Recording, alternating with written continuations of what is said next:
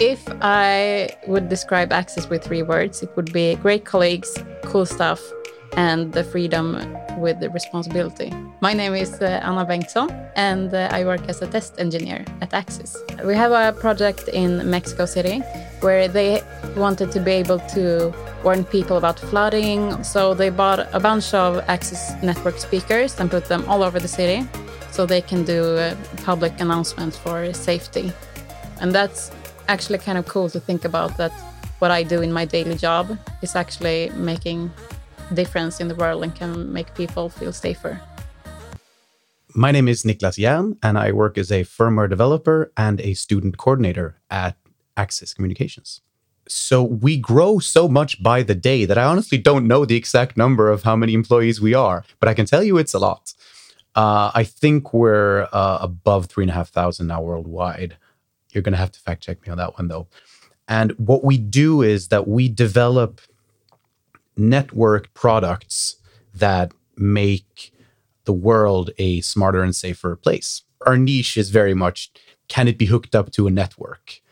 If yes, you could probably find it at Axis. I think Axis has an interesting history. The company was founded in 1984 by uh, three men, particularly Martin Gren, Mikael Karlsson, and a guy called Keith Bloodworth, who left the company relatively soon.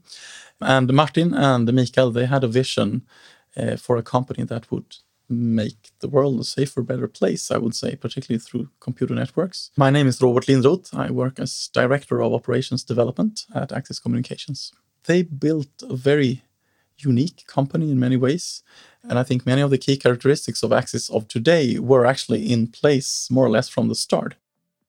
We center on products that are in the security product spectrum, and that would primarily, as of today, be uh, surveillance cameras of many different types and form factors and shapes and sizes, speakers for callouts and for background music, and also for safety measures, so warnings coming out because of certain events. We do access control, so how you are allowed access into a building. Uh, you're greeted by an access product at the door, and you can press the button, and someone would open the door for you, or you can swipe your RFID card. The products that surround those both the ones that you see and the ones that are in the back making the decision whether or not you are allowed in. We have radars that are really cool that of course allow you to see see without seeing. So and also recently we launched into a body worn segment which is really cool. So if you have law enforcement and you see a camera on uh, on their chest that would be uh, that could be an access product now we must mention the network camera. We invented the world's first network camera in 1996.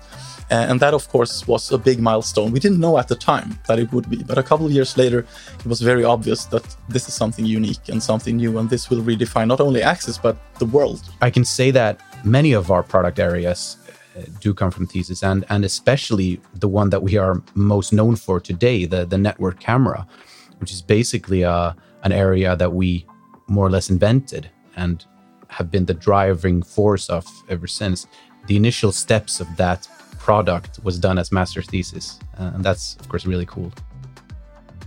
When I was studying, there was a event for female engineering students here at Axis. And uh, we were in the Axis Experience Center. And uh, there I just thought everything was so cool. There were so many nice people, so inspiring environment.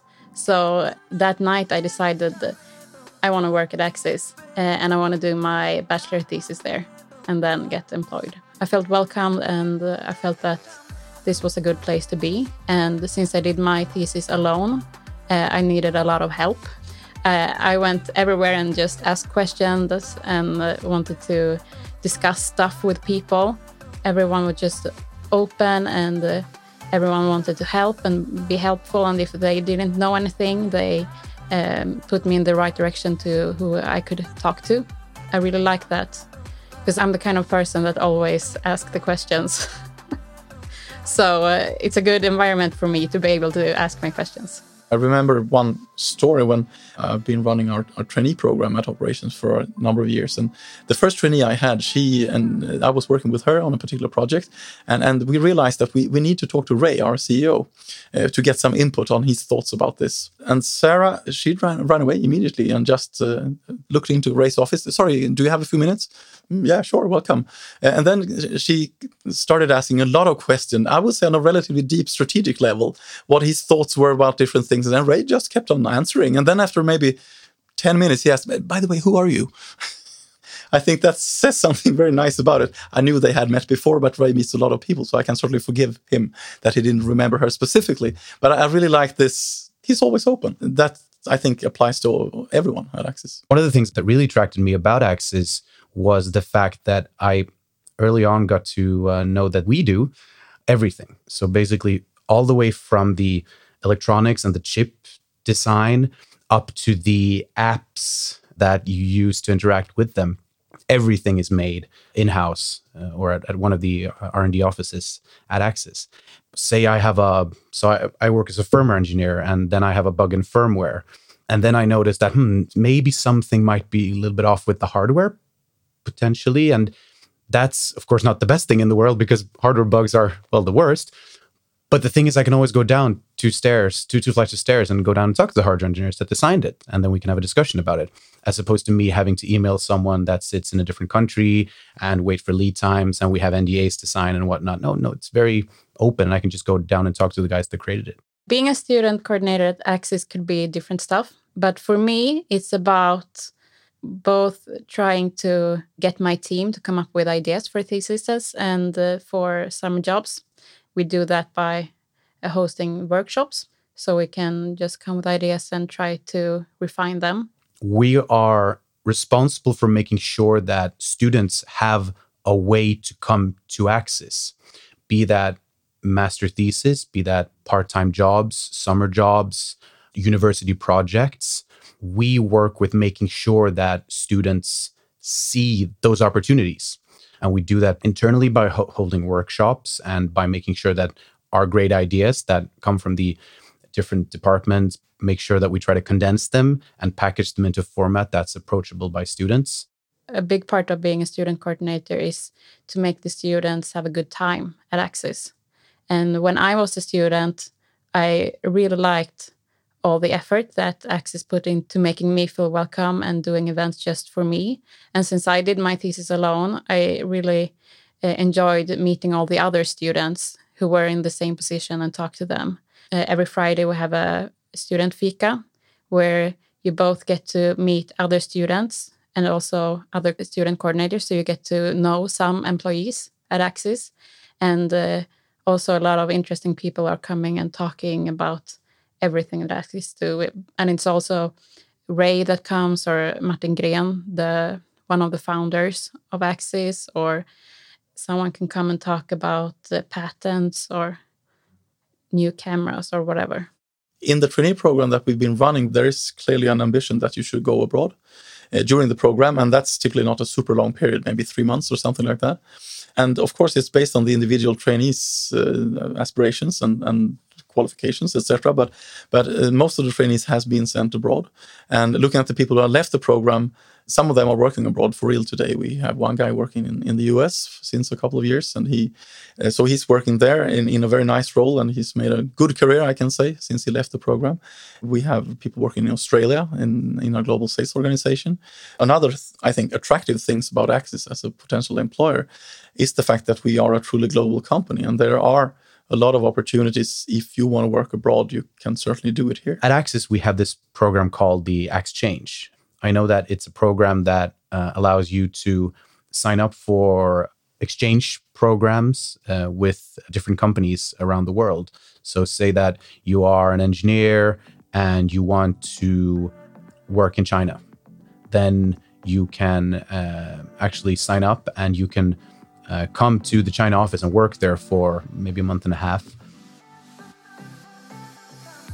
We have what we call our core values, and one of them is act as one. And I think you see that so often. Whenever something goes wrong, I'm, I'm working in the operations department, and, and there is always something going wrong or we have challenges that we haven't foreseen or something that we have to handle. Whenever there's a big crisis, could it be a fire at a supplier or we have an earthquake or a flooding or something? That is, I think, when we excel at, at our absolute best.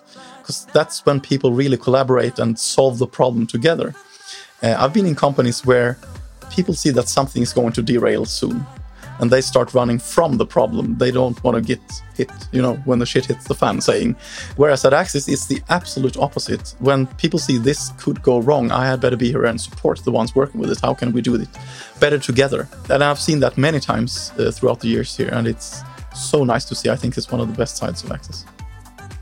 So our new headquarters that we built here in Lund is I suppose it's four buildings are combined into one. It's easy to get lost in. To this day, uh, I still have to use the different maps that are around. But it, yeah, it's really cool. We have the we have the Sky Lounge uh, that we're currently in. Let's put it into context. We're on the tenth floor, and we have, are looking out over the beautiful fields of Skåne. And I think if I were to look close enough, I could probably see all the way to Denmark.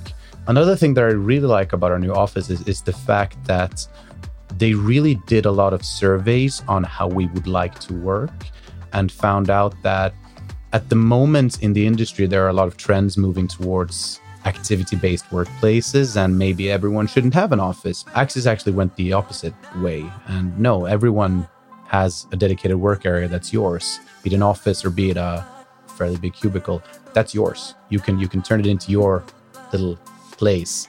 There are many reasons because of that. One is the the technical difficulties of moving your lab equipment around. I mean, an oscilloscope is heavy, man. I don't want to carry that around uh, to an activity based workplace. And also because our culture is so based on the fact that you should be able to find people. The best benefit at Axis for me is the bicycle. So when you get uh, employed, you get a bicycle and it's yellow and red, so you can see it all over the city and all over Skåne, I would say. I ride my bike to the office every day.